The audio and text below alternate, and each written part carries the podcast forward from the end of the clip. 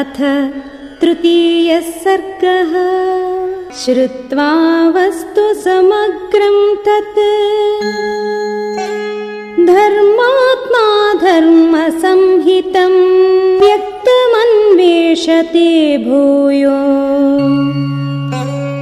यद्वृत्तम् तस्य धीमतः।